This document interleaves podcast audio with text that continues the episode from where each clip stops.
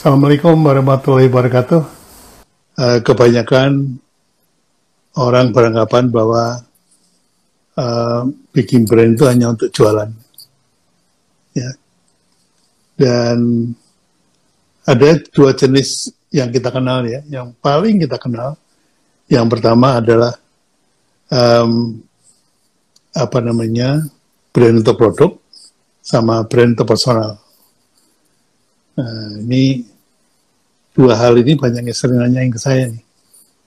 Pak Bi, uh, mendingan kita bikin uh, produk brand dulu atau kita bikin uh, apa namanya personal brand dulu. Nah, ini menarik karena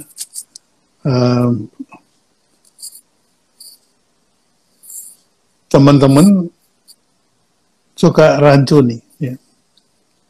Nah, kalau kita bikin diperjelas ya, maka yang namanya produk brand itu kebiasaan dari korporat. Kebiasaan korporat itu melakukan produk brand. Kenapa?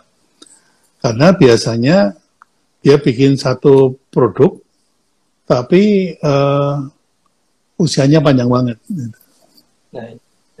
Uh, masih selamat malam. Selamat malam Pak Bi. Iya, kenapa tadi nggak bisa bisa masuk ya? Halo, selamat malam Pak Bi. Assalamualaikum. Ya, Waalaikumsalam. Tadi nggak bisa masuk kenapa ya? iya, ada gangguan sinyal kayaknya Pak Bi. Gara-gara oh, gitu. banjir. Mohon maaf. Kena banjir ya Mas ya?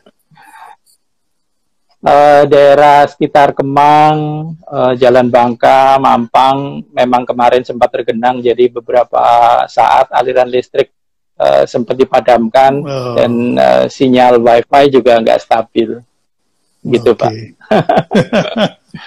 Mohon maaf jadi sangat terlambat. Gak apa-apa, nih kita ngobrol-ngobrol aja nyantai tapi serius. Jadi uh, ngobrolnya ngobrolnya santai, kontennya yang serius. Ya. Seperti biasa kalau saya sama teman-teman kalau ngobrol kan ngobrolnya santai tapi kontennya serius. Gitu. Sampai materinya Baik. serius ya Pak ya. Ya betul. Baik Mas Kris, ini ini kan live di anu di teman-teman follower saya nih. Uh, mereka sudah kenal saya, tapi kan belum kenal Mas Kris. Jadi monggo silakan. Okay. saya kasih waktu 5 menit, 10 menit untuk mengenalkan diri lahir di mana, terus kerja di mana, monggo uh, uh, Terima kasih, saya singkat aja karena sudah sangat terlambat. Uh, sebelumnya saya minta maaf uh, atas keterlambatan ini karena gangguan teknis. Assalamualaikum warahmatullahi wabarakatuh. Uh, nama saya Chris Murwanto. Uh, latar belakang saya sebagai praktisi media, tapi uh, malam hari ini saya mencoba uh, memposisikan diri sebagai uh, praktisi uh, behavioral science, ilmu perilaku berkaitan dengan uh, permintaan Pak Abi untuk meninjau uh, perubahan algoritma Instagram uh, dari sudut tinjau uh, ilmu perilaku. Mungkin itu aja dulu, Pak. Terima ya, kasih. Baik. Nah, luar biasa nih. Ketemunya di situ. Teman-teman tadi ada yang nanya, ini uh, algoritma Instagram sama brand itu ketemunya di mana gitu. Saya bilang kalau orang membangun brand itu uh, atau membangun bisnis lah ya secara umum itu bisa dimulai dari dua start awal. Yang pertama masalah konsumen yang bisa diselesaikan oleh produk kita. Yang kedua perilaku konsumen yang bisa dipenuhi oleh produk kita. Nah, yang pertama ini nggak relevan dengan yang topik yang kita bicarakan. Tapi yang kedua ini relevan banget nih. Karena kalau kita kita me, bisa mengubah perilaku konsumen lewat uh, aplikasi atau lewat platform, maka kita bisa menciptakan kebutuhan baru dan keinginan baru atau the new demand. Nah, ketemunya di situ.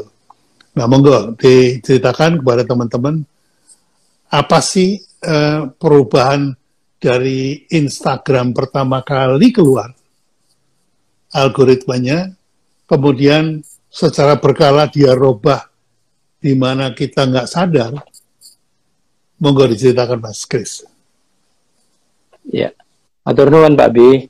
Uh, sebenarnya Instagram sendiri perubahannya amat sangat cepat uh, sejak kelahirannya. Uh, dia sudah sangat uh, sering mengubah algoritma dan perubahan algoritma itu sendiri seperti yang tadi Pak Bi sampaikan memang sangat dilandasi oleh tren perubahan perilaku dari pengguna Instagram itu sendiri. Jadi seperti halnya uh, platform sosial media yang kita kenal, uh, apakah itu Facebook, apakah itu Twitter, uh, termasuk juga Instagram, TikTok dan lain sebagainya. Platform ini adalah platform untuk memperluas terjadinya percakapan sosial, sehingga pemilik platform itu berkepentingan untuk selalu mengikuti tren perubahan dari perilaku penggunanya. Uh, tujuannya apa? Uh, untuk tetap bisa membuat platform mereka itu relevan. Dan ketika uh, platform itu relevan, artinya harus ada kepastian bahwa konten yang disampaikan oleh penggunanya pun juga harus cocok antara si komunikator dengan komunikannya. Nah, ini penting buat uh, tidak saja konten kreator tapi juga uh, strategi uh, marketing karena uh, tanpa relevansi tentu saja brand itu menjadi tidak ada respon uh, yang didapat dari audiens. Uh, seberapa berbeda uh, algoritma Instagram saat ini uh, sebenarnya lebih uh, dititik beratkan kepada uh, relevansi dan engagement yang oleh Instagram diinginkan lebih optimal. Jadi kalau selama ini Instagram itu mohon maaf lebih banyak uh, menampilkan uh, foto selfie atau hmm. tampilan-tampilan yang sifatnya uh, egosentris begitu. Nah, uh, 2020 ke 2021 ini pengelola Instagram berharap konten yang ditampilkan oleh pengguna itu betul-betul uh, relevan dengan yang dibutuhkan oleh pengguna uh, yang lain. Dalam hal ini interaksi maupun engagementnya dianggap lebih optimal. Mungkin hmm. ringkasnya begitu, Pak. Betul. Itu sangat ini, sangat relevan dengan uh, tujuan uh, boleh saya katakan last resort ya tujuan terakhir dari uh, sebuah aktivitas branding. Karena branding itu tujuan akhirnya adalah bukan brand royalty tapi menciptakan evangelis. Di mana evangelis itu kalau dikumpulkan dia menjadi tribes yang yang membela kita. Nah kalau mau membangun evangelis tidak bisa lagi dengan produk. Gitu empat produk dalam 4P itu sudah berubah banget di marketing 4 point uh, di marketing 4.0 ini uh, yang basicnya adalah 4E Mas Chris itu produk sudah Coba. diganti dengan engagement. Jadi kalau di marketing 1.0 atau 4P itu produk adalah produk. Tapi kalau kita mau menciptakan evangelis dari produk kita, maka kita nggak boleh bicara produk kita lagi. Kita harus bicara tentang engagement. Nah, ini mungkin yang dikejar oleh algoritmanya uh, IG. Monggo, silakan. Betul, Pak Bi. Jadi kalau kita uh, bisa rangkum keseluruhan dari perubahan algoritma yang saat ini diterapkan oleh uh, Instagram, uh, ada beberapa poin penting. Misalnya yang pertama itu adalah uh, ini masih uh, dalam konteks engagement tadi ya Pak ya. Yang yeah. pertama adalah interest. Jadi uh, Instagram ini algoritmanya berkepentingan dengan apa yang menjadi minat dari uh, pengguna. Semakin dia cocok minatnya antara yang dikirimkan pesannya oleh komunikan dengan komunikator, maka pesan itu akan muncul di feed dari pengguna. Terus kemudian selain berkaitan dengan minat atau interest, yang kedua adalah relationship.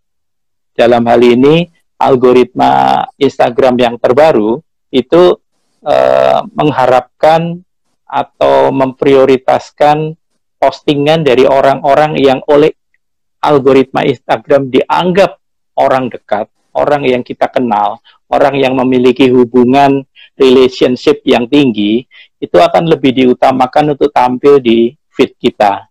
Hmm. Nah, keseluruhan dari poin-poin uh, mengenai interest dan relationship ini menunjukkan bahwa uh, Instagram itu berkepentingan dengan sesuatu yang bisa mendorong terjadinya interaction, engagement, dan hal-hal yang uh, menyebabkan terjadi hubungan komunikasi timbal balik antara komunikator dengan komunikan, supaya itu uh, bisa meningkatkan uh, penggunaan dari Instagram itu sendiri. Karena Instagram berkepentingan untuk menjadi semacam platform yang bisa digunakan oleh audiensnya seoptimal mungkin. Karena itu dia berkepentingan dengan penggunaan yang lebih sering, uh, frekuensi uh, scrolling yang lebih sering, dan penggunanya dipastikan untuk mendapatkan konten yang memang dibutuhkan dan paling diminati uh, bisa tampil di uh, halaman feednya dia. Demikian Pak Bi. Ya, um, memang kalau saya perhatikan ini uh, rasa-rasanya hampir semua algoritma dari platform sosial media ini menuju kepada 4E itu mas. Yang pertama adalah ya. engagement, yang kedua educate, yang ketiga excite, yang keempat evangelis gitu. yang ujung-ujungnya ke tribes juga gitu jadi karena um, sekarang ini uh, relate dengan saya punya postingan yang tadi yang bikin ribut itu bahwa milenial tidak ah. percaya brand itu itu sebetulnya betul betul uh, bikin rame itu Pak ya itu sebetulnya kesalahan dari pemilik brand sih karena ketidakmampuan untuk merelate menggunakan experience itu, experience dieksplorasi menjadi sebuah ikatan emosi yang yang tidak bisa lepas gitu ya. Itu kayaknya mereka nggak berhasil. Jadi kemudian orang lebih percaya pada orang gitu. Nah, jadi akibatnya apa? Fungsi brandnya luntur karena lebih percaya sama orang lain yang ada hubungannya sama sama produknya. Jadi apakah itu seleb ataukah itu expert gitu ya? Kalau kalau Pak Bi bilangnya menurut Pak Bi gimana? E, mau ikut clubhouse apa enggak? Kalau saya bilang enggak, nah itu kemudian e, tribe saya akan akan nggak ikut. Nah ini yang yang tu, tujuan akhir dari dari pembentukan brand sebenarnya. Tapi bukannya milenial nggak percaya sama brand, percayanya kepercayaannya pindah dari produk brand ke personal brand. Nah itu yang jawabannya tadi sebenarnya. Tapi dibikin rame dulu mas. nah uh, monggo mungkin bisa dijelaskan perubahan yang paling nyata, paling bisa dilihat di Instagram ini algoritmanya yang uh, perlu kita perhatikan yang mana mas? Ya, Mas Chris live dulu karena putus. Ya, menarik ini, ini menarik sekali karena uh, sebetulnya untuk orang setua saya nggak layak lah ngomong ngomong tentang uh, inbound marketing ya, apalagi nanti dikaitkan dengan flywheel karena yang lebih berat itu yang anak-anak muda ya. Oke, okay, uh, eh, terlanjur kita bahas tentang uh, algoritma Instagram, saya sendiri kurang menguasai secara teknis, tapi saya perhatikan algoritma dari hampir semua platform, ujung-ujungnya adalah pembentukan tribes. Apa itu tribes? Tribes itu adalah kelompok orang uh, yang sudah melalui beberapa proses di dalam uh, experience-nya ya. Jadi yang pertama dia sebagai konsumen ya uh, sebagai konsumen. Oke, okay, saya coba invite lagi. Sebagai konsumen, dia membeli sekali. Ya. Jadi uh, ini teman-teman, uh, nah akhirnya masuk ini Mas Kris. Siapa Bi? Sudah join lagi Pak? Ya, ya. oke. Okay. Jadi uh, saya bilang tadi barusan ketika anda live itu bahwa ya pak uh, rupanya platform-platform ini mengarah kepada uh, pembentukan tribes, ya, di mana tribes itu adalah kumpulan dari para evangelis. Evangelis ini adalah para pembela terhadap brand kita uh, dan itu oleh al, oleh uh, para platform yang pemilik platform ini hanya bisa dicapai kalau produknya berbentuk uh, engagement. Nah, oleh karena itu algoritma IG yang terakhir ini menurut Pak uh, Mas Kris mengarah kepada uh, mempererat engagement. Jadi mempertemukan interest antara yang bikin konten sama yang uh, merespons. Uh, sehingga kalau tadinya like itu penting, sekarang lebih penting komen. Nah, monggo silakan Mas Kris. Uh, maaf tadi agak keputus-putus Pak ya, tapi saya akan coba masuk saja ke uh, apa konteksnya uh, seperti tadi disampaikan Pak Bi bahwa ada semacam ketidakpercayaan kepada brand dan beralih kepada manusianya. Karena kecenderungan dari makin banyaknya penggunaan bot atau mesin uh, artificial intelligence, sering kali uh, yang kita anggap sebagai pengguna, user, itu ternyata adalah mesin, Pak. Akibatnya, hmm. yang kita anggap berkomunikasi dengan sesama manusia, ternyata kita itu berkomunikasi dengan mesin. Dan ini oleh algoritma uh, diwaspadai terus dengan dia berganti-ganti algoritma, karena dia ingin yang terjadi itu adalah interaksi manusia dengan manusia. Dan uh, itu mereka pastikan uh, dengan cara selalu mengubah algoritma yang mengatur personalisasi dari kontennya sebagai uh, apa namanya untuk mem mempermudah gambaran algoritma ini paling tidak uh, mempengaruhi tiga hal pak pak Bi terkait dengan engagement yeah. terkait dengan brand tadi itu tiga hal yang saya maksud adalah bahwa algoritma ini uh, mempengaruhi tidak saja uh, konten apa yang muncul di feed kita, tetapi juga algoritma ini uh, memilihkan dengan siapa kita terhubung. Jadi hmm. uh, dengan siapa kita dianjurkan uh, dalam tanda kutip ya, direkomendasikan hmm. oleh mesin untuk terhubung itu uh, sangat dipengaruhi oleh uh, bagaimana algoritma ini mengenali uh, Pak B dekat dengan siapa. Pak B uh, direkomendasikan untuk memfollow siapa. Uh, dan itu kemu kemudian juga mempengaruhi uh, konten apa yang dianggap lebih prioritas untuk ditampilkan di feed uh, pengguna uh, Instagram.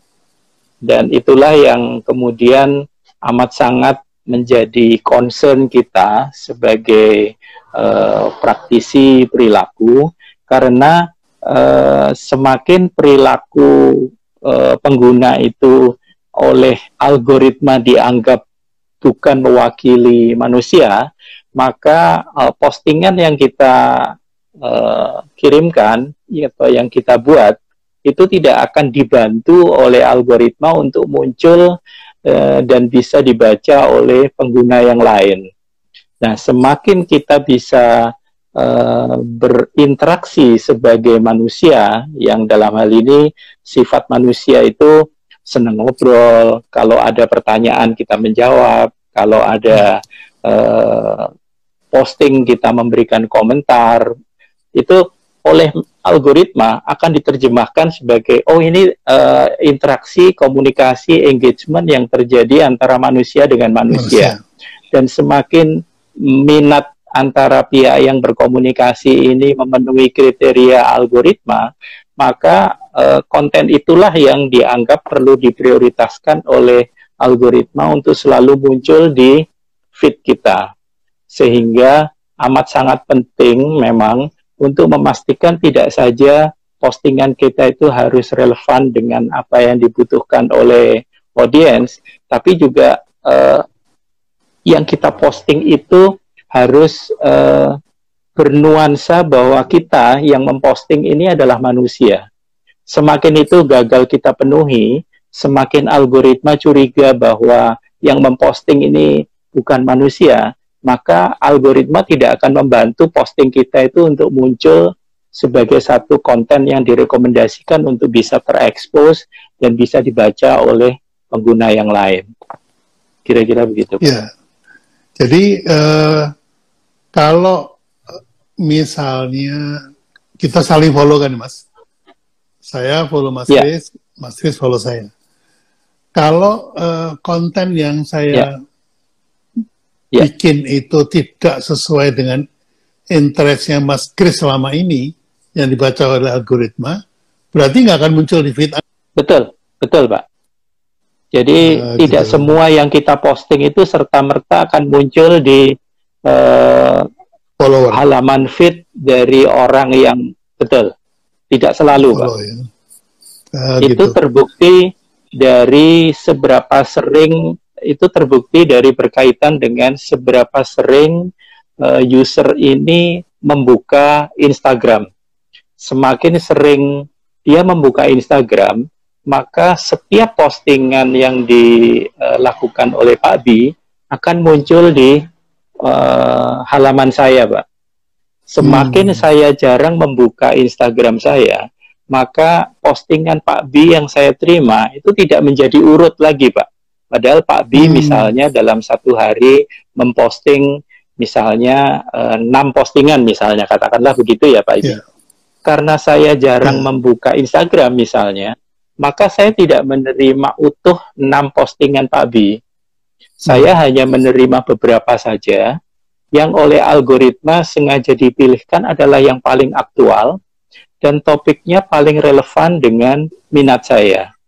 Padahal enam-enamnya ini jangan-jangan uh, sebenarnya berurutan. penting, tetapi karena ya. berurutan tetapi karena gara-gara saya tidak membuka sesering seperti yang diharapkan oleh algoritma Instagram, maka saya gagal mendapatkan eh, kesempatan terekspos dengan postingan Pak B yang 6 tadi. Akibatnya saya hanya menerima uh, yang paling aktual, yang paling dekat dengan saat saya membuka uh, Instagram saya dan uh, itulah yang dianggap prioritas untuk uh, ditampilkan Diketahui. di feed saya. Begitu. Pak. Nah, konsekuensinya, ya. mau maaf saya lanjutkan sedikit, Pak. Konsekuensinya uh, tidak saja uh, dipengaruhi oleh seberapa sering kita membuka Instagram, tetapi juga postingan itu dipengaruhi oleh uh, jadwal posting kita, Pak. Jadi katakanlah hmm. misalnya Pak Bi jadwal postingnya pagi jam 9 misalnya Pak ya. Siang jam 12 misalnya. Sore jam 4 misalnya. Nah, eh, jam-jam uh, pilihan Pak Bi terbiasa melakukan posting ini juga dikenali oleh algoritma dan kemudian disesuaikan dengan uh, ritme kebiasaan atau aktivitas dari followersnya Pak Bi. Semakin followersnya Pak Bi tidak sesuai dengan jadwal postingan Pak Bi, dia akan gagal mendapatkan postingan Pak Bi. Begitu Pak Bi. Jadi kalau dirangkum dari keseluruhan yang tadi saya jelaskan, eh, perilaku kita itu akan sangat mempengaruhi eh, posting apa yang muncul di halaman feed kita. Semakin kita jarang membuka Instagram, kita akan rugi karena kita tidak bisa mendapatkan keseluruhan uh, postingan Pak Bi, padahal itu sebenarnya relevan dengan kepentingan saya. Hmm. Yang paling jadi mau nggak mau dipaksa untuk kan selalu, hanya selalu yang, buka ya. Betul, dan kita hanya dipilihkan sesuai dengan jadwal kita membuka. Padahal jadwal saya membuka belum tentu sesuai dengan jadwal postingan Pak B. Hmm, ya, ya, ya. Ya betul. Jadi uh, kalau memang ya silakan Pak Bi. Ya. Kalau sebelumnya itu uh, saya bisa membuat jam tayang sendiri. Artinya ketika misalnya saya bersaing dengan Mas Kris, topiknya selalu sama. Mas Kris saya catat uh, kalau kalau posting itu jam 12, jam 3, jam 6, sama jam 9 malam. Nah, saya hindarin posting di jam itu supaya nggak tabrakan sama Mas Kris. Jadi saya bikin uh, algoritma sendiri gitu. Sebelumnya masih bisa seperti itu. Nampaknya sekarang mau tidak mau mesti disiplin melihat jam bukanya atau apa istilahnya prime time-nya dari Betul. dari follower saya. Ya. ya. Jadi prime time follower hmm. saya itu jam 9 malam mulai turun, tapi jam 6 sampai 9 itu tinggi. Nah, jadi kalau saya posting di situ, kemungkinan untuk dibaca oleh follower saya makin banyak. Kira-kira seperti itu ya Pak. Betul. Pak nah, trik. Iya, silakan Pak Bi. Ya, untuk menyikapi ini uh, nah, betul, temuan betul, dari Pak Kris bagaimana? Uh, ya, jadi uh, sebenarnya memang uh, algoritma ini bekerja dengan sangat misterius ya Pak Bi. Tidak semuanya bisa kita pahami uh, secara logis dalam pemikiran kita sebagai manusia. Tapi ada beberapa trik yang uh, kita bisa gunakan untuk mencegah itu selisipan gitu antara hmm. jam memposting dengan kepada siapa kita berharap postingan kita itu terekspos itu supaya klop itu uh, ada trik sederhana sebenarnya Pak Bi. Jadi yeah. caranya misalnya yang sederhana adalah uh, pada saat memposting kita mentek uh, nama yang bersangkutan. Jadi misalnya Pak Bi memposting dan berharap uh, itu terpapar kepada saya jam berapapun saya membuka postingan saya, maka dengan Pak Bi mentek nama saya, maka jam berapapun itu dibuka, itu tetap akan oleh mesin uh, dipampangkan, Pak. Itu oh. beberapa trik uh, sederhana. Terus uh, yang lain juga misalnya seberapa sering kita uh, merespon uh, postingan, seberapa sering kita uh, mengirim uh, direct message, terus seberapa sering kita uh, apa namanya uh, menyebutkan nama itu dalam postingan kita itu oleh algoritma juga uh, diterjemahkan sebagai uh, bentuk kedekatan dan prioritas untuk memilihkan konten yang dibuat oleh nama-nama itu agar tetap muncul di feed kita. Walaupun secara uh, ritme uh, penggunaan Instagram jam berapa kita membuka, jam berapa kita uh, beristirahat itu nggak cocok satu sama lain, tapi tetap bisa uh, dioptimalkan istilahnya begitu. Iya, iya. Baik. Pantesan saya sekarang jarang terima um, Nah, yang kemudian tetap jadi concern kita adalah bagaimana agar uh, tidak saja postingan itu uh, relevan dan poin yang saya ingin sampaikan uh, masih berkaitan dengan bagaimana kita menyesuaikan dengan kemauan dari algoritma Instagram yang terbaru adalah uh, tidak saja terjadi interaction, tapi juga memastikan bahwa kita selalu memposting yang memiliki kualitas, bukan hanya sekedar mengejar kuantitas atau jumlah.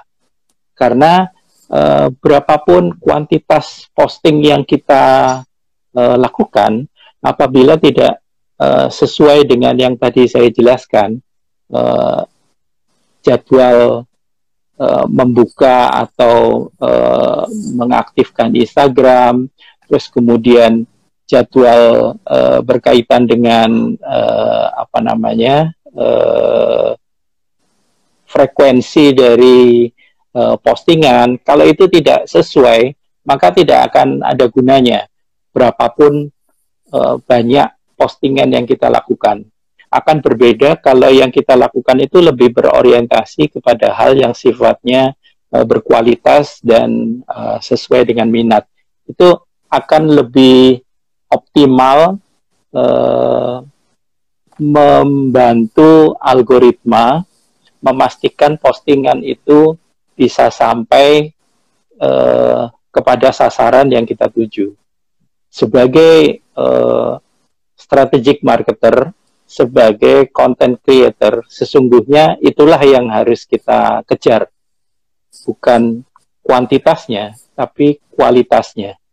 Bahwa terjadi perbedaan uh, membuka Instagramnya jam berapa, kita mempostingnya jam berapa, itu bisa kita reduksi uh, apa miss nih. Kita bisa reduksi ketidakcocokannya dengan uh, memastikan relevan, uh, berkualitas dan uh, kita tujukan kepada siapa itu bisa lebih dimension. Iya. Itu Pak. Ya, memang semakin semakin uh, rumit ya. kalau kalau kita ini kan ke, kebiasaannya kan broadcast gitu kan. Ya udah namanya broadcast ya nanti mau dibaca sekarang, dibaca ntar sore, itu masih bisa gitu. Tapi kalau kalau kita di antara di posting sama dibaca itu ada postingan baru lagi, itu bisa hilang tuh yang postingan sebelumnya. Betul, ya, betul Pak. Paham, paham. Itu paham. yang oleh, betul Pak. Itu yang oleh oleh uh, algoritma Instagram yang sebelumnya itu yang diistilahkan sebagai uh, pengaturan secara kronologis. Nah, Hmm. Diam-diam pengaturan secara kronologis ini oleh algoritma yang terbaru itu dirubah menjadi pengaturan algoritmik. Jadi yang tadinya hmm. kronologis berurutan hmm. itu oleh algoritma sekarang dirubah menjadi pengaturan uh, algoritmik. Nah, akibatnya memang Pak ketika algoritma ini uh, diam-diam dirubah uh, banyak user yang mengeluhkan uh, postingannya itu tidak sesuai dengan harapan karena tiba-tiba uh, yang dia mengirim dalam satu hari misalnya 10 posting begitu yang hmm. sampai ke tujuan itu nggak sampai 10 pak karena hmm. tidak uh, kronologis karena dirubah oleh algoritma menjadi algoritmik gitu walaupun dia mengirimkan 10 postingan yang muncul di tempat tujuan itu cuma empat atau cuma enam gitu. Begitu juga yeah. kalau misalnya kita uh, mengejar kuantitas tapi melupakan kualitas misalnya, oleh algoritma juga tidak dikirimkan keseluruhannya. Jadi misalnya dianggap bahwa postingan ini postingan yang uh, justru mengganggu uh, pengguna yang lain, maka oleh algoritma tidak akan dimunculkan, Pak. Um, banyak teman-teman yang tidak melihat pengumuman dari workshop saya, Pak. Jadi uh, saya umumkan setiap tiga hari sekali. Ternyata memang nggak lihat gitu. Uh, rupanya seperti ya. itu ya, Pak. Ya. Jadi itu menyikapinya gimana, Pak? Ya? Tapi poin yang uh, saya ingin ulangi sekali lagi sebagai uh, apa namanya uh, penekanan penting adalah bahwa algoritma yang terbaru di 2021 ini yang uh, oleh Instagram dipakai sekarang itu uh, amat sangat uh, menghargai uh, manusia dalam arti mereka mengharapkan Instagram ini benar-benar dimanfaatkan sebagai satu platform berinteraksi antar manusia dan sifat interaksinya itu betul-betul meluas begitu. Tetapi pada sisi yang lain uh, yang tadi Pak Bi sampaikan kalau dulu kita mengenal komunikasi yang sifatnya broadcast begitu, meluas yang saya maksud di sini tidak serta-merta uh, meluas dalam arti bisa dilihat oleh semua orang gitu. Lebih tepatnya uh, broadcast yang era sekarang ini itu adalah meluas tapi sekaligus menyempit pada minat atau uh, kesesuaian ceruk pasar tertentu. Jadi memang ini agak kontradiktif, Pak. Kita yeah. Iya. uh, mempersepsi media sosial seperti namanya ya, media hmm. untuk berkomunikasi uh, dalam skala sosial, massal, tapi pada prakteknya algoritma yang digunakan oleh Instagram dan digunakan oleh platform-platform yang lain itu bukannya makin membantu terjadinya penyebaran konten yang sifatnya ya. broadcast, tapi justru narrowcast hmm. sesuai dengan minat, sesuai dengan kebutuhan ceruk pasar tertentu, sesuai dengan uh, perilaku konsumen tertentu yang semuanya itu mengarah ke hal yang sifatnya personalized. Jadi algoritma ini mencoba untuk mem mempersonalisasi uh, konten yang beredar atau diinteraksikan di platform mereka. Sebenarnya tujuan akhir dari perubahan algoritma yang selalu berubah dan kenapa dilakukan sering secara diam-diam, tidak dengan terbuka disampaikan kepada publik, sebenarnya itu karena mereka memiliki agenda tersendiri, Pak. Agenda yang dimaksud kurang lebih kalau diterjemahkan dalam bahasa gampang itu adalah uh, pemilik platform, dalam hal ini kita membaca, membicarakan Instagram, itu hmm. tidak ingin sampai penggunanya itu kabur, Pak. Dia tidak ingin tiba-tiba penggunanya itu merasa Instagram tidak bisa lagi menjadi platform yang bisa digunakan untuk berinteraksi satu sama lain. Sehingga dia hmm. selalu uh, ingin memastikan user ini tetap di situ, user ini saling berkomunikasi, tetap kerasan ada di tempat itu, dengan cara memastikan semuanya itu relevan seperti yang masing-masing harapkan begitu.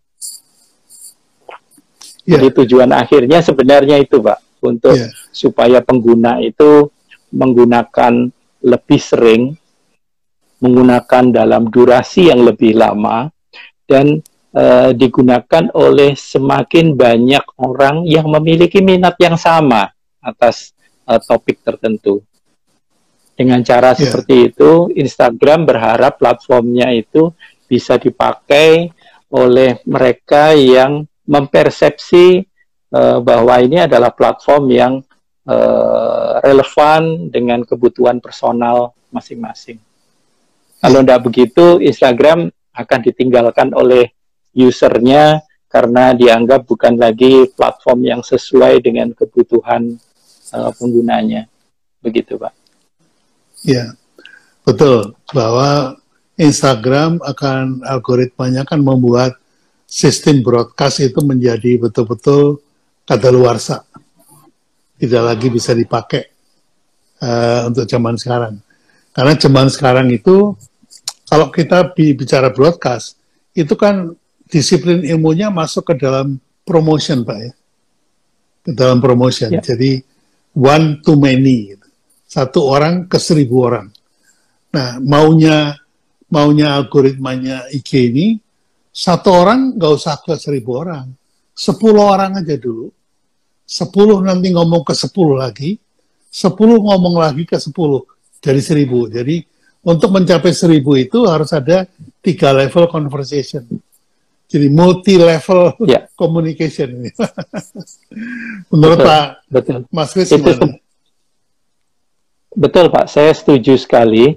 Uh, dan itu yang menurut saya mengingat menjadi pengingat untuk kita semua bahwa uh, perubahan algoritma ini tidak kemudian uh, menjadikan orang-orang yang followersnya sedikit kemudian kecil hati, tidak perlu. Hmm. Karena justru algoritma yang terbaru ini amat sangat sesuai untuk berkomunikasi dalam skala yang terbatas yang satu sama lain itu memiliki uh, emotional relationship yang tinggi. Jadi saya setuju dengan yang tadi disampaikan Pak Abi. Kita hanya perlu menyampaikan kepada 10 follower kita dengan asumsi setiap dari follower kita juga memiliki 10 audiensnya yang lain. Begitu juga masing-masing yang lain akan meneruskan kepada audiens berikutnya. Jadi semakin uh, emotional relationship itu terjadi antara orang-orang dalam lingkup yang lebih terbatas, itu oleh algoritma dianggap lebih memungkinkan pesan itu tersampaikan uh, dalam jarak yang atau jangkauan yang luas. Sementara kita selama ini beranggapan uh, keluasan penyebaran konten itu amat sangat dipengaruhi oleh uh, jumlah followers begitu. Itu sebabnya uh, selama ini ada anggapan bahwa Uh, kenapa buzzer dilibatkan, kenapa influencer dilibatkan, kenapa endorser dilibatkan. Tidak saja karena mereka memiliki kriteria uh, statusnya sebagai selebriti, namanya tenar, tapi juga karena followersnya banyak. Padahal uh, dalam prakteknya algoritma uh, media sosial itu uh, justru uh, tidak melihat jumlah followers ini sebagai uh, penentu dari uh, viralnya pesan. Karena uh, viralnya pesan itu bukan disebabkan oleh jumlah banyaknya followers, tapi disebabkan oleh uh, minat dari audiens yang pada saat menerima pesan itu merasa punya kepentingan untuk meneruskannya kepada orang lain. Jadi uh, dengan kata lain, uh, apa yang disampaikan oleh komunikator itu harus membuat komunikan yang menjadi tujuan komunikasi itu memiliki minat, memiliki kepentingan untuk meneruskannya kepada orang lain. Tanpa itu terjadi, pesan yang disampaikan oleh komunikator hanya akan berhenti pada level uh, itu saja. Pertama, ya. Betul. Jadi yeah. jumlah yeah. followers yang banyak tidak serta-merta membuat satu pesan itu tersebar sampai uh, jangkauan yang meluas. Yeah. Jadi betul-betul uh, apa namanya uh, platform ini mendisrupt sistem broadcast ya, Pak. Ya? Betul, Pak.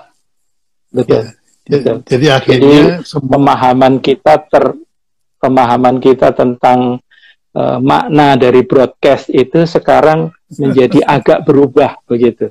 Tidak broadcast dalam arti seperti istilah Pak Abi tadi one to many, tapi uh, bisa many to many. Karena pesan itu disampaikan oleh uh, banyak orang secara bersamaan yang satu sama lain itu saling berkepentingan untuk meneruskan pesan itu. Dan itu Betul. yang kemudian disebut viral. Sebetulnya uh, algoritma yang baru ini membuat orang fokus kepada konten ya mas. Karena betul, konten betul, konten akan membangun pasukan. Ya. Siap. Betul. Jadi uh, saya misalnya, saya konten konten adalah produk saya. Jadi melalui konten saya, melalui produk saya dikonsumsi oleh Mas Kris yang kemudian kalau ada suka Anda akan menularkan pada yang lain. Seperti itu betul, ya, Betul, Pak Betul. Ya, berarti... Kurang lebih uh, seperti itu, Pak.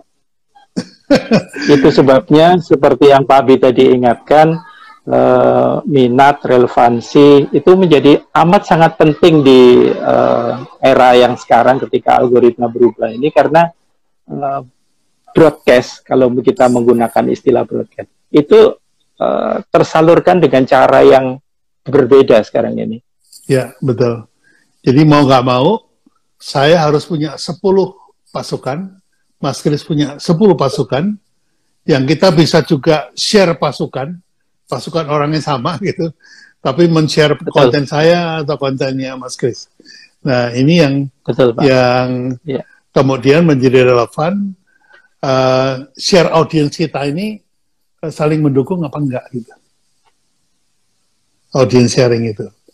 Ya, wah keren betul, banget nih Mas Chris. Ini uh, udah saatnya kita jawab beberapa pertanyaan yang sudah mulai panas ini. oh. Oke. Okay. Silakan Pak. Uh, ya ini ada. Uh, Oke. Okay. Ada yang beberapa yang nggak udah nggak relevan nih pertanyaannya karena sambil berjalan ya. Ini ada yang nanya Tika Wikom. Pak, tapi kemudian banyak influencer kasih iming-iming giveaway untuk followernya yang komentar di IG postnya. Gimana menurut Pak Pi dan Pak Kris? Monggo Mas Kris.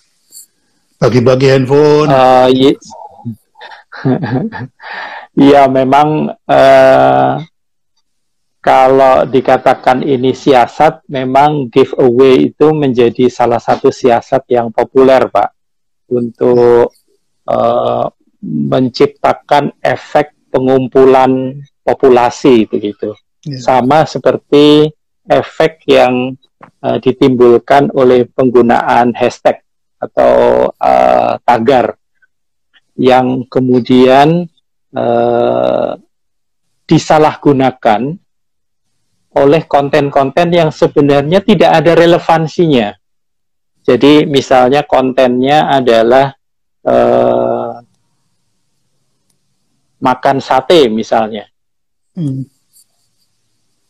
Yang sebenarnya tidak ada kaitannya dengan uh, hashtag itu, tetapi dia bisa berhasil masuk uh, ke kerumunan hanya karena dia memanfaatkan uh, bunyi hashtag, yang sama yang menjadikan itu uh, kerumunan yang seakan-akan satu tema atau satu kepentingan padahal berbeda.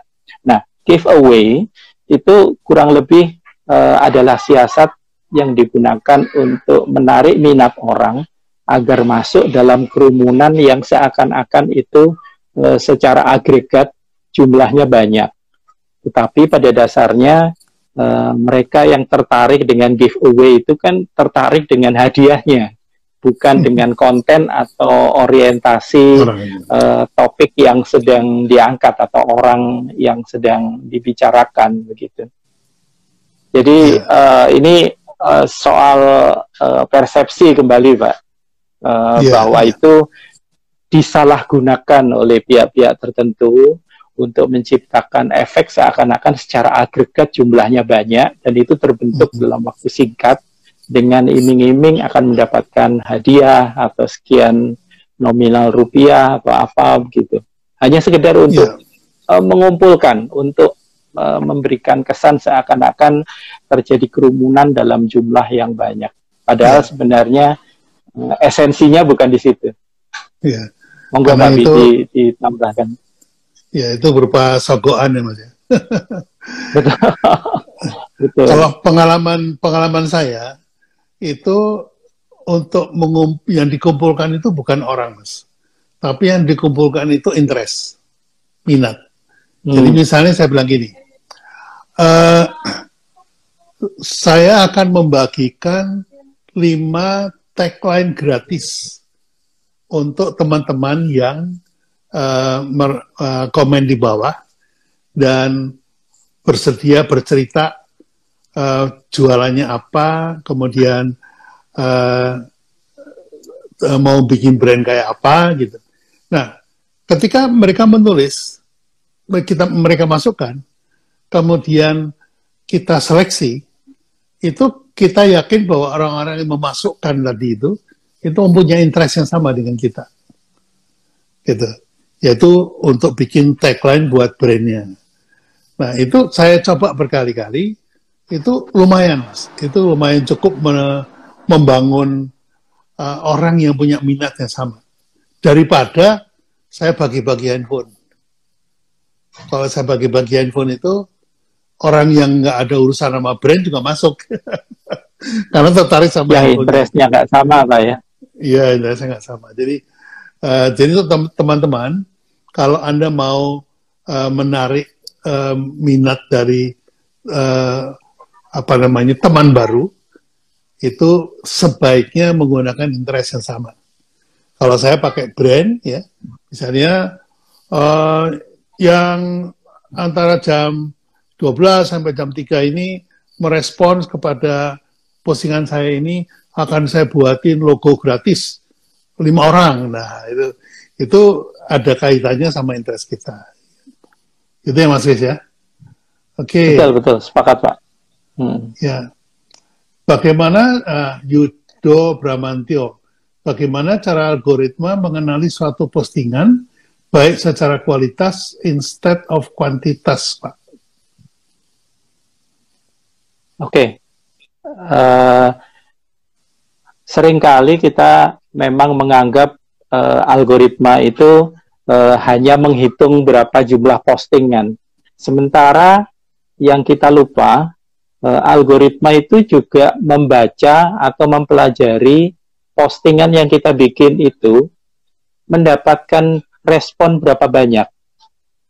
Kalau uh, istilah gampangnya gitu, berapa banyak yang me-like hmm. atau memberi komentar atau uh, memberikan tanggapan uh, yang sifatnya uh, membuat percakapan itu menjadi lebih ramai. Nah, semakin itu terjadi, semakin dianggap konten itu bermutu atau berkualitas. Sebaliknya, postingan atau konten yang bermutu pun, yang berkualitas pun, tetapi ketika diposting tidak pada jam yang tepat, tidak dengan menggunakan cara-cara yang sesuai dengan kemauan algoritmik yang kita bahas tadi, yang akibatnya tidak mendapatkan respon optimal, yang like sedikit, yang merespon sedikit, yang memberikan uh, istilahnya engagement sedikit, maka seberkualitas apa pun konten itu oleh algoritma dianggap tidak berkualitas. Nah, ini mempengaruhi uh, bagaimana algoritma itu menerjemahkan antara quality dengan quantity, yang itu tidak sama dengan uh, cara kita mempersepsi uh, kualitas dan jumlah tadi itu. Jadi memang ini agak uh, agak tricky, Pak. Sesuatu yeah. postingan yang kita anggap berkualitas, tetapi ketika algoritma uh, melihat tidak banyak yang merespon, ya tidak dianggap sebagai berkualitas, sehingga tidak disebarkan lebih lanjut, tidak terekspos yeah. ke audiens yang lebih luas. Sementara yeah konten yang tidak berkualitas tetapi ditanggapi secara amat ramai itu oleh algoritma akan didorong terus terekspos ke audiens yang lebih luas karena dianggap yang tidak berkualitas ini bermutu begitu pak. Bermutu. Jadi memang sekali lagi agak tricky ini pak. Karena seperti yang kemarin terjadi mengatakan uh, bahwa ini adalah hal yang nggak bermutu dan eh, ece-ece dan lain sebagainya. Tapi fakta yang kita tidak bisa bantah adalah respon yang muncul itu luar biasa. Nah, yang menjadi pertanyaan adalah eh, bagaimana sih algoritma ini kok menerjemahkan yang begitu kok uh, dianggap layak untuk disebarluaskan begitu. Sementara yang betul-betul uh, bermutu dan harusnya sampai pesannya kepada yang lebih memerlukan pesan tersebut justru tidak terviralkan secara optimal. Ya. Silakan Pak. Karena kata kuncinya kan interest, Mas. Interest Betul. itu mau ber, gak bermutu nggak bermutu, asal membangkitkan interest itu dianggap bermutu sama algoritma. Betul. Nah, Betul. di sini teman-teman di sini keahlian copywriting sangat dibutuhkan. Ya terutama Betul, membuat headline. Membuat headline. Saya bocorin satu aja ya, jangan banyak-banyak. Kalau Anda membuat headline yang uh, provokatif ya, provokatif. Misalnya uh, kalau Anda bikin ini kembali ke ilmu lama nih Mas. Kalau Anda bikin headline Pak B digigit anjing, itu nggak akan menimbulkan interest. Tapi kalau bikin berita judulnya hmm. Pak B menggigit anjing, ah itu menimbulkan respons meskipun tidak bermutu. ya, jadi teman-teman harus tahu nih. Jadi uh, apa namanya? Uh, kalau menimbulkan kontradiktif ya. Kalau saya dulu istilahnya gini Mas Chris, selama saya berkarir itu headline saya itu selalu menggunakan sistem paradoks. Yang hmm. besar, kecil, ya. TV Eropa, harga Jepang, gitu kan. Kualitas tinggi, harga murah. Kemudian kalau sudah duduk lupa berdiri. Nah, ini kan hmm. paradoks nih. Nah, yang paradoks yeah, ini yeah. menimbulkan reaksi publik gitu. Reaksinya apa? Membuktikan, hmm. membeli. Nah, ini yang yang uh, ini udah udah saya bocorin banget nih ah. Jadi kalau kalau anda perhatikan konten-konten yang saya buat itu rata-rata isinya paradoks ya. Misalnya hmm. uh, headline bunyi begini. Buat saya yang paling penting di dalam kehidupan itu adalah gigi dan jamban. Orang pasti mikir gigi sama jamban. Lah iyalah kalau hmm. kalau makan itu kan harus pakai gigi. Jadi dokter gigi itu harus. Tapi jangan lupa ujungnya itu jamban. Jadi kan itu membangun uh, paradoks yang uh, mem memancing orang untuk bereaksi kan mas. nah betul, betul, ini lagi-lagi kembali ke copywriting. Saya lagi mikir-mikir karena uh, uh, karena apa namanya algoritma Google yang berubah ini, mungkin saya bikin workshop copywriting lagi nih. Biasanya enam bulan sekali. Kayaknya perlu pak. Kayaknya. perlu ya. Karena soulnya ada di situ pak. Seberapapun uh, pentingnya satu komunikasi tanpa copywriting yang nampol uh, hmm. di zaman ini menjadi uh, seperti sia-sia pak. Ya, uh, yang saya perhatikan nih mas, saya kan sering repost mas, karena ketidakmampuan saya untuk uh, mungkin sudah mulai lambat ya menciptakan konten-konten. Jadi saya repost punyanya Mas Mas Chris sering banget tuh saya repost, saya kasih headline gitu. Nah headline ini saya buat yang nampol gitu. Itu yang dibaca oleh algoritma Google itu head, eh, kok Google IG itu headline-nya apa kontennya Mas? Uh, bisa dua-duanya Pak, bisa dua-duanya karena uh, respon itu tetap dibacanya memang uh, dari atas dulu ke bawah. Tetapi hmm. uh, pada saat sebelum direpost oleh Pak Bi, uh, konten aslinya sendiri sudah mendapatkan berapa banyak respon, itu juga mempengaruhi Pak Bi. Jadi gampangnya hmm. menjelaskan, kalau misalnya Pak Bi merepost satu postingan yang saya buat, yang sebelumnya tidak terlalu banyak di uh, komentari atau di likes orang, mungkin uh, algoritma akan menerjemahkan uh, yang dibuat Pak Abi, apa istilahnya headline-nya ya Pak ya, yeah, itu yeah. menjadi faktor utama untuk uh, mendorongnya uh, terekspos ke audiens yang lebih luas. Tetapi yeah. kalau misalnya uh, repost yang dilakukan Pak Bi itu atas postingan yang saya buat yang sebelumnya sudah memang sudah uh, ramai uh, responnya, uh, engagementnya tinggi, maka uh, algoritma akan menerjemahkan Pak Bi uh, membantu uh, tereksposnya tulisan yang memang sudah viral. Jadi kembali yeah. ke yang tadi Pak Bi sampaikan. Yeah, yeah walaupun postingan saya hanya terekspos ke 10 orang, tapi dari 10 orang itu salah satunya adalah Pak B, maka Pak B akan menyebarkannya ke 10.000 orang. Jadi hmm. efek exposure-nya yang saya buat itu akhirnya postingan saya tetap terpapar ke lebih banyak orang kan Pak. Walaupun ya, sebenarnya follower saya cuma 10 orang. Tapi karena di antara 10 itu salah satunya adalah Pak Bi yang jumlah followernya 90 ribu, maka uh, postingan saya yang sebenarnya tidak bermutu dan hanya terpampar ke 10 orang oleh Pak Bi akhirnya dibantu menjadi lebih terpapar meluas. Kira-kira analoginya begitu, Pak Bi. Iya, iya, betul betul. Jadi bisa dua-duanya, Pak Bi. Bisa dua. Iya. Saya beberapa kali uh, mencoba ya. Uh, Mas Kris kan followernya sedikit. Uh, ketika saya repost dengan headline baru, maka ternyata bisa ribuan. Bisa ribuan.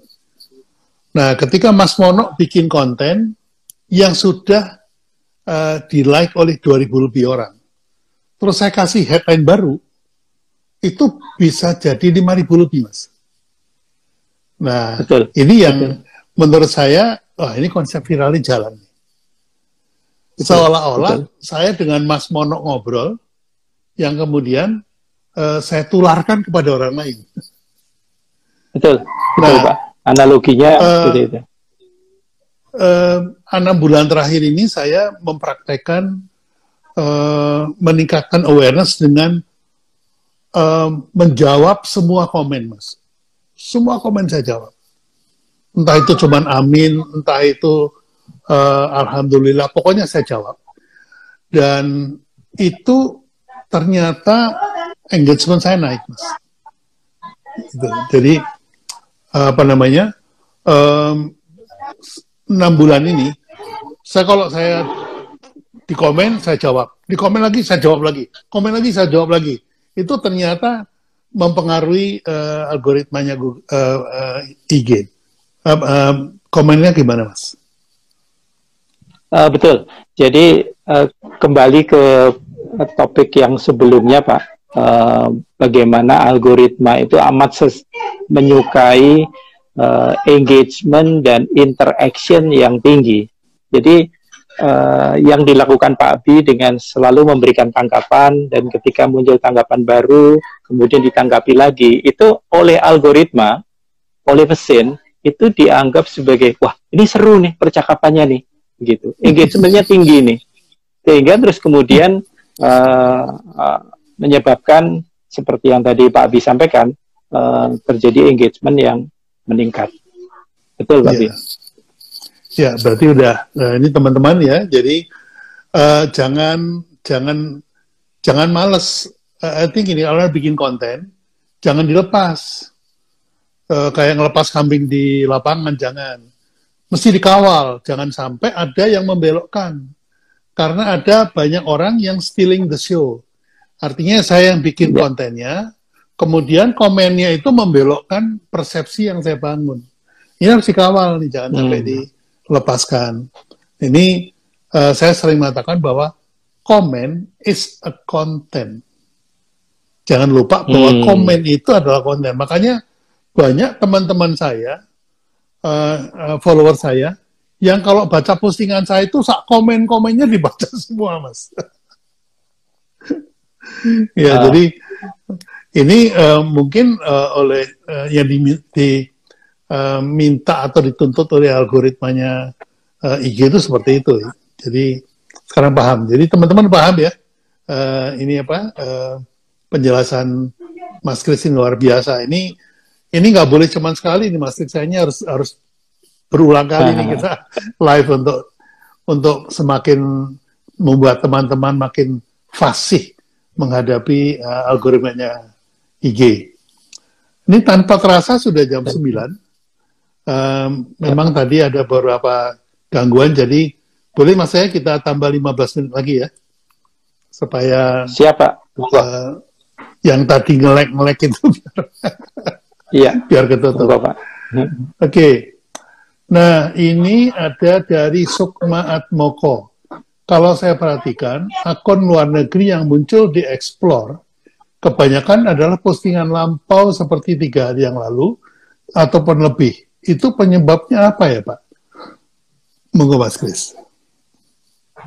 Uh, memang terjadi apa ya boleh dibilang satu pemahaman yang berbeda antara uh, konten yang berasal dari kita yang dibuat oleh uh, audiens kita dengan audiens uh, atau postingan yang berasal dari audiens luar. Uh, sering kali Eh, tanpa bermaksud untuk merendahkan ya Pak ya. Konten kita itu sifatnya taktikal Pak. Jadi yang rame hari ini ditanggapi hari ini, besok ketika isunya bergeser ditanggapi berbeda lagi, besok berbeda lagi, berbeda lagi. Sementara uh, konten yang dibuat uh, oleh audiens luar, apalagi itu misalnya dari sumber yang terpercaya, itu sifatnya uh, lebih lama, lebih awet begitu. Sehingga walaupun dalam waktu tiga hari pun responnya tetap tinggi dan akibat responnya tetap tinggi, tetap menjadi pembicaraan, maka oleh algoritma tetap didorong untuk selalu muncul di halaman feed kita. Hmm. Sementara uh, postingan yang uh, kita buat atau audiens Indonesia buat itu uh, relevan hanya kita dibicarakan hari ini saja. Besok sudah ganti lagi, yang ramai hmm. udah beda lagi. Tiga hari hmm. lagi udah beda lagi, begitu. Jadi ini uh, soal uh, persepsi dan bagaimana menyiasati uh, logika algoritma kembali ke soal itu Pak. Jadi menurut saya ini uh, tinggal bagaimana kita uh, berstrategi untuk membuat satu topik itu bisa uh, usianya lama. Jadi nggak rame cuman hari ini, tapi tetap dibicarakan sampai tiga hari ke depan seperti yang uh, tadi dicontohkan uh, muncul di explore tadi itu. Ya, ya, ya. Kira-kira baik. Iya, makasih. Berikutnya adalah Naslia Hijab. Di IG yang muncul di top post saya tentang berita gibah. Dan saya nggak suka. Makanya jarang buka IG. Paling saya berkunjung langsung ke akun yang saya mau tahu. Misalnya ke akunnya Pak B. Monggo ditanggapi, Mas. Uh, kembali lagi, uh, saya khawatir tanpa disadari si uh, yang menanyakan Mbak atau Mas ya Pak ya? Mbak gue tanya nih. Uh, tanpa di oh Mbak ya. Uh, tanpa disadari uh, Mbak yang bertanya ini tadi uh, melakukan interaksi atau aktivitas yang oleh algoritma diterjemahkan sebagai minat tertentu. Katakanlah uh, sebenarnya Mbak ini punya minat ke konten berkualitas yang berasal dari Pak B dan karena itu berkepentingan untuk uh, mengikuti Pak B. Tapi pada saat yang bersamaan, jangan-jangan tanpa disadari, Mbak ini mengirim direct message ke seseorang yang itu identik dengan postingan gibah atau e, Mbak ini jangan-jangan tanpa sadar e, merespon e, kuis atau merespon polling atau merespon pertanyaan yang berasal dari uh, pengguna yang oleh uh, algoritma diidentikan sebagai pembuat atau uh, yang mengirimkan postingan gibah. Sehingga postingan-postingan uh, gibah itu tetap muncul. Disebabkan karena uh, pembuatnya itu secara langsung atau tidak langsung, disadari atau tidak, itu terhubung ke mbaknya ini secara interaksi, secara aktivitas. Walaupun sebenarnya secara keminatan, berminatnya kepada konten yang bermutu yang dibuat oleh Pak Bi. Ini uh, dugaan ya, karena uh, melihatnya harus tetap kasus per kasus. Tetapi yang terjadi sering kali begitu. Seperti ini analogi jawabannya kurang lebih seperti ini, Pak uh, sering kali tanpa kita sadari di uh, saat kita membuka uh, browser itu muncul uh, iklan yang uh, kita nggak sukai, misalnya uh, konten porno kah atau konten yang ecek-ecek kah atau konten yang menurut kita sampah seperti itu. Dan kita mengeluh konten seperti itu atau iklan seperti itu yang muncul pada saat kita membuka browser. Nah, tanpa kita sadari, sebenarnya kitalah yang uh, memberi informasi, kitalah yang memberitahu algoritma bahwa saya uh, suka tuh dalam tanda kutip ya, suka dengan hal-hal itu. Apakah karena ngeklik, apakah karena memang tidak sengaja membuka atau memberikan respon atau apa. Tetapi yang jelas oleh algoritma semua kecenderungan perilaku itu dicatat, direkam. Dan itulah yang menghasilkan output, oh orang ini berminat atau uh, memiliki kepentingan terhadap konten tertentu. Nah, saya menduga, ini hanya dugaan ya, mudah-mudahan salah. Konten gibah itu muncul disebabkan secara histori ada kesejarah kesejarahan yang oleh algoritma dicatat Mbak ini pernah mungkin pernah menjawab atau merespon atau memberikan uh, tanggapan atas yang dilakukan oleh eh, sumber-sumber uh, gibah itu tadi. Misalnya ada giveaway ikut, misalnya ada polling ikut memberikan uh, pendapat, atau uh, ikut uh, dalam tanya jawab pada saat ada komentar ikut memberikan komentar kayak gitu-gitu. Itu juga maki, saya, Pak. Maki-maki juga bisa ya, Pak? Bisa Pak, bisa, bisa, bisa. Dia bisa. kan nggak lihat isinya apa ya, penting makanya memang respons. memang uh, agak agak kontroversi ketika kita memberikan jawaban itu yang sifatnya uh, main-main gitu Pak ya. Jadi uh, ini sekali lagi tanpa bermaksud mengecil artikan uh, yang terjadi selama ini. Misalnya Pak Bi posting dan karena saya ilmu saya nggak nyampe uh, dengan yang ditulis Pak Bi di postingannya terus tapi saya ingin menunjukkan saya mengapresiasi tulisan itu maka saya hanya memberikan jempol misalnya atau memberikan hebat Pak Bi nah, gitu. Nah, semakin itu sering dilakukan algoritma menerjemahkan ini jangan-jangan yang namanya Kris Murwanto ini bukan manusia ini jangan-jangan ini mesin ini jangan-jangan. Karena dia hanya mampu memberikan tanggapan yang sama berulang. Kasih jempol, nanti Pak B posting lagi, kasih jempol lagi, gitu-gitu, berulang. Nah, interaksinya dianggap tidak genuine. Tidak seperti layaknya interaksi antar manusia bercakap-cakap begitu. Memang agak kontroversi sih Pak. Tetapi hal-hal yang sederhana dan kita anggap remeh ini oleh algoritma tetap diterjemahkan uh, menjadi satu kesimpulan tertentu yang dalam konteks yang ditanyakan oleh Mbak tadi akhirnya menjurus ke postingannya yang muncul itu uh, bernuansa gibah kayak gitu. Mudah-mudahan menjawab Pak, mudah-mudahan. Ya, sangat jelas sekali Mas. Matur. Saya juga ikut belajar nih Mas. Oke, okay uh, ini Tika Wcom. Apakah berarti brand harus targeting micro influencer juga kah mengingat kedekatan emosional dengan followernya? Betul, betul. Saya menyarankan seperti itu. Ini sekali lagi tidak bermaksud untuk uh, mengecil artikan mereka yang followersnya sedikit.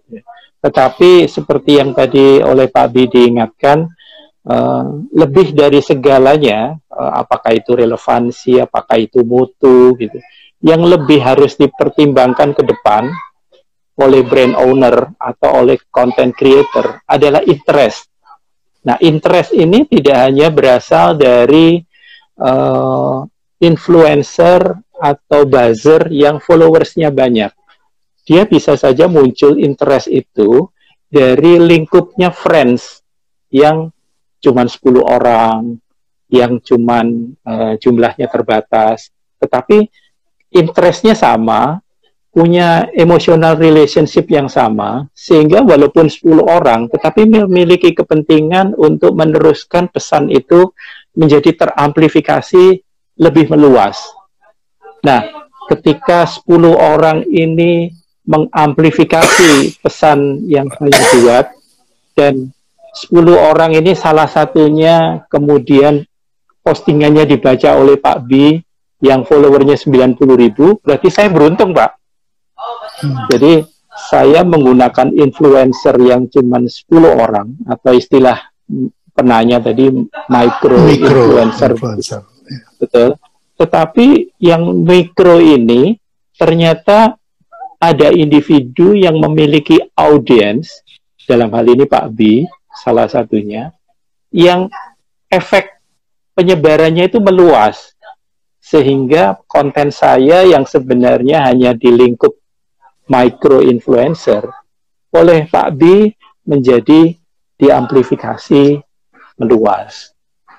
Jadi betul, uh, micro uh, influencer itu menjadi amat sangat uh, penting sekarang ini, bukan hanya sekedar uh, yang followersnya banyak atau yang jumlah interaksi dengan friends-nya meluas begitu. Sekali lagi uh, saya menggarisbawahi istilah Pak Abi tadi interest, karena belum tentu dari seribu follower kita itu memiliki interest yang sama walaupun sama-sama memfollow kita. Mungkin dari seribu yang memiliki interest pada topik tertentu hanya 10. Jadi apa salahnya kita menyesuaikan dengan 10 itu. Nah 10 inilah yang nanti kita harapkan, kita nggak bisa memaksa ya. Dari 10 ini kita mengharapkan melanjutkannya, mengamplifikasi sehingga terjadi penyebaran yang secara tidak langsung menyebabkan pesan itu menjadi meluas. Begitu. Yeah. Nah, ini akan menjadi topik berikutnya, Mas, yaitu ya, Pak. bagaimana kita bisa menjadi influencer untuk uh, mikro influencer kita, mikro uh, apa namanya mikro kita, teman-teman kita. Karena kalau kita mau jadi influencer, kita harus membangun trust. Nah, bagaimana algoritma ini kita bisa manfaatkan untuk membangun trust agar supaya konten kita itu kemudian diviralkan oleh orang lain.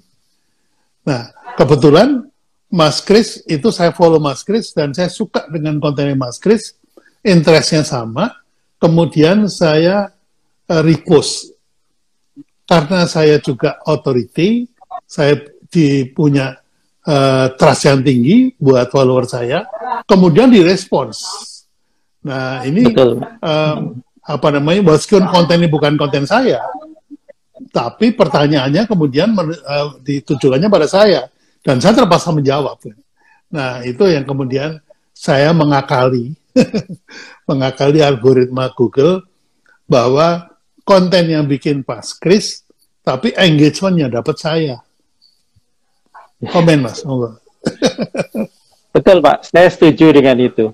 Jadi ada hmm. satu sebenarnya ini rumus lama sebenarnya rumus lama dalam arti bahwa itu uh, dipublish udah uh, sekian tahun yang lalu begitu jauh sebelum kita uh, ramai dengan istilah influencer, buzzer dan lain sebagainya.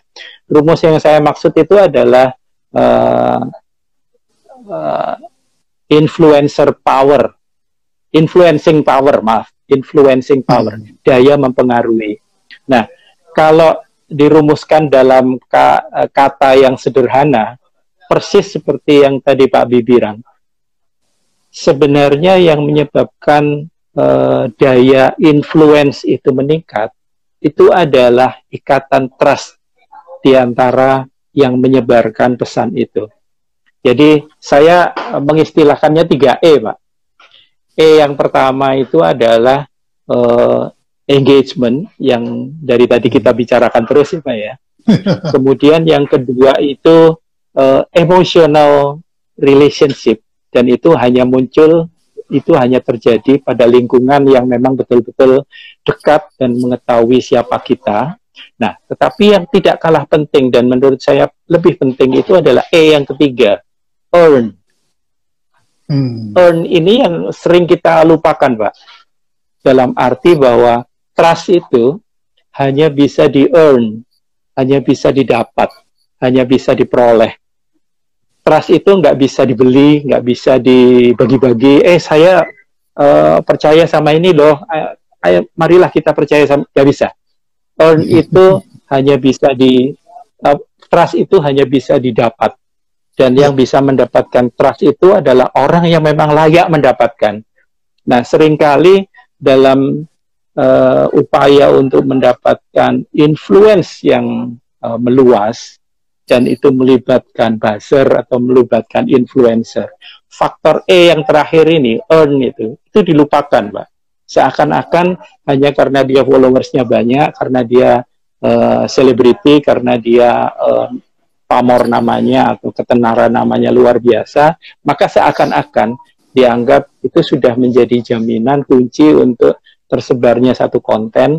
Sementara just, justru uh, dua E yang terakhir, emotional relationship, itu hanya terbentuk pada lingkungan yang cukup kecil dan earn itu hanya terjadi pada level yang uh, orang itu betul-betul merasa percaya dan punya alasan untuk, mem untuk mempercayai seseorang. Mempercayai. Dan itu bukan pada level betul. Dan itu bukan pada level yang skala makro istilahnya, bukan yeah, uh, yeah. seperti yang kita bayangkan. Betul Pak Steve Abi, yeah. saya setuju dengan pendapat tadi. Baik, kalau gitu nanti minggu depan kita live lagi Mas. Topiknya bukan lagi memahami algoritma, bukan memahami algoritma IG, tapi bagaimana memanfaatkan algoritma IG ini untuk kepentingan membangun tadi influencer, endorser dan dan teman dan teman-temannya tadi. Insya Allah kita ya, live lagi Insya Allah. Wah ini hari ini luar biasa Allah, saya belajar banyak. Yang selama ini saya hanya dengar-dengar aja, sekarang jadi paham. saya jadi tahu. Mudah-mudahan. saya pikir saya tahu. Baik, uh, sudah waktunya saya pamitan sebelum saya closing. Monggo silakan Mas Kris uh, pesan yang simpel saja kepada teman-teman bahwa kita harus mewaspadai algoritma Google, eh sorry, algoritmanya uh, Instagram. Instagram yang mengarahnya nanti kepada engagement. Apa saja yang harus diwaspadai dan bagaimana cara membuat uh, uh, konten untuk itu. Monggo silakan. Ya, terima kasih Babi. Jadi kurang lebih uh, poin dari keseluruhan pembicaraan yang kita diskusikan malam hari ini dengan Pak Abi adalah bahwa kita uh, jangan hanya tergoda kepada reach dan exposure, tetapi kita harus mengejar sama reach dan exposure jangan tergoda oleh itu saja, tetapi kejarlah R dan E juga, relevan dan engagement. Dan dari sisi mutu, eh, dari sisi konten, eh, quality tetap lebih penting daripada quantity.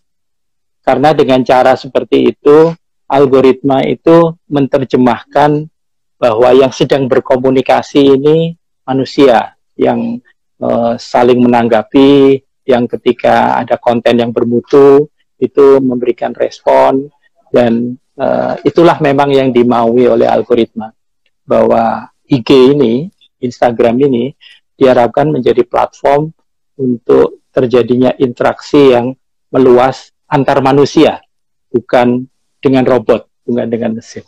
Kira-kira begitu. Mas Kris, ada yang nanya kalau mau follow Mas Kris, uh, akunnya apa Mas Kris? Ini saya ketik sini ya. At uh, uh, at Kris titik Kris Kris titik Moer ya. Moer Wanto, ya. Orang lama nih. Orang lama Pak, kolonial Pak, bukan milenial. ya silakan teman-teman. Uh, Mas Kris ini saya udah kenal lama, lama sekali dari tahun 2014 ya Mas ya, 2013. Beliau ini pergaulannya amat sangat luas.